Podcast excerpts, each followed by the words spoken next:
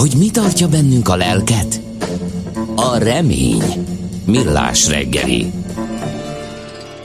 Na, egy érdekes dologról fogunk beszélgetni, ezt is EKR-nek hívják ugyanis, de ez nem az elektronikus közúti áruforgalmi rendszer, hanem egy egészen más, az energiahatékonysági kötelezettségi rendszer.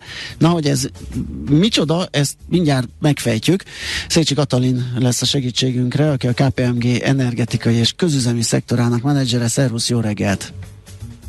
Kívánok! Jó reggelt! és én is üdvözlöm a hallgatókat.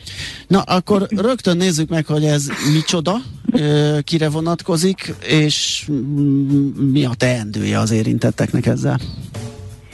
Um, hát, ahogy itt elhangzott a felvezetőben is, ez az EKR rövidítés az energiahatékonysági kötelezettségi rendszert jelenti, és hogy mi is ez az egész. Ugye a, a Magyar Nemzeti Energiastratégia, illetve a Nemzeti Energia, Energia és Klímaterv is számos hazai célkitűzést fogalmaz meg tulajdonképpen a hazai energiaszektornak, és ennek az elérésének egy eszköze ez az energiahatékonysági kötelezettségi rendszer, ami tavaly vezetett be Magyarország. Aha, és milyen kötelezettségekkel jár akkor ezek szerint az energiaszektorban ügyködők számára? Így igaz. Ez tulajdonképpen egy a szennyező fizetelve alapján az energiaellátásban résztvevő vállalatokra kivetett kötelezettség.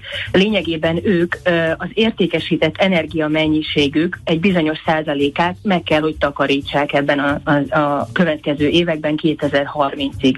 Tehát vonatkozik ez a villamosenergia kereskedőkre, a villamos energia egyetemes szolgáltatókra, a földgázkereskedő, földgáz egyetemes szolgáltató, és az összes üzemanyagot értékesítő uh, vállalat, tehát lényegében benzinkutakra. Ó, oh, uh-huh. Mekkora ez az energia mm, mennyiség?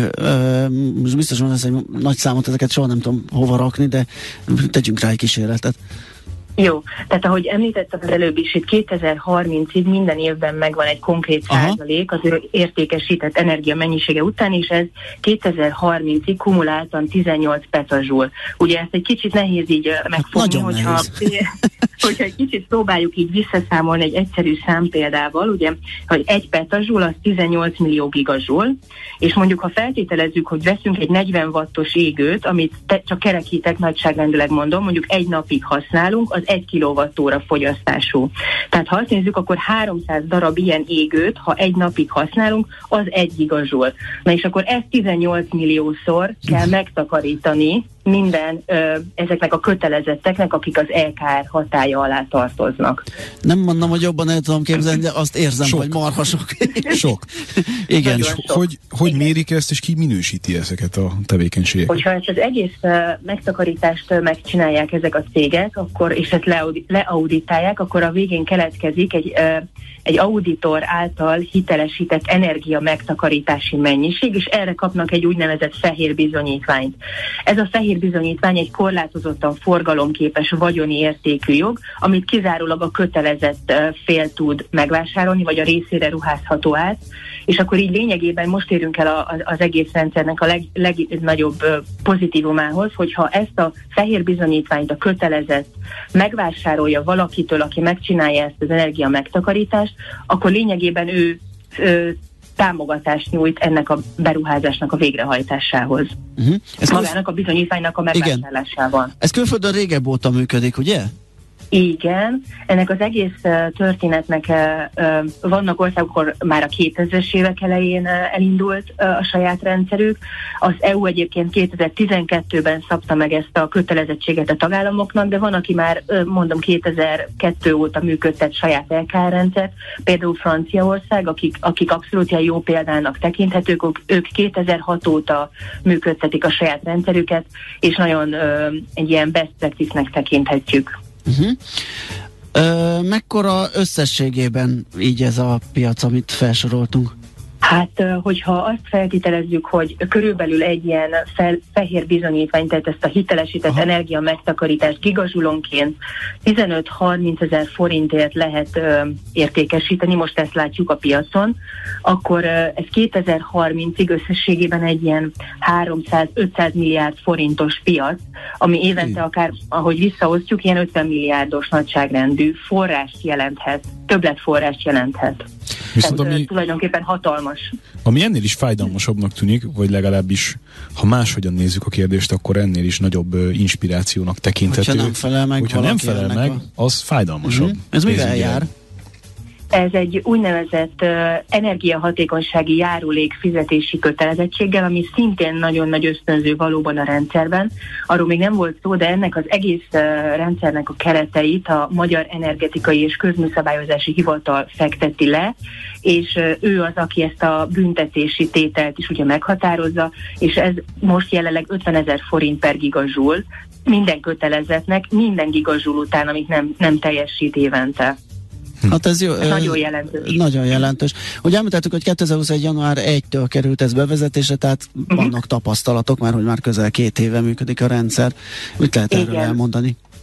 Pont most november végén jött ki egy piacmonitoring jelentés, amit az Energiahivatal, illetve a HUPIX, a, az energiatőzsde adott ki közösen, és azt lehet látni, hogy a, azok a fő tapasztalatok, hogy uh, ugye nagyon sok kötelezetet érint ez az egész rendszer, a nagyok, a nagyok előteljesítenek, mert erről még nem volt szó, de erre is van lehetőség. Tehát az évente meghatározott energia megtakarítási mennyiséget előre is lehet bizonyos feltételek mellett teljesíteni. Tehát az látszik, hogy a nagyok előre teljesítenek.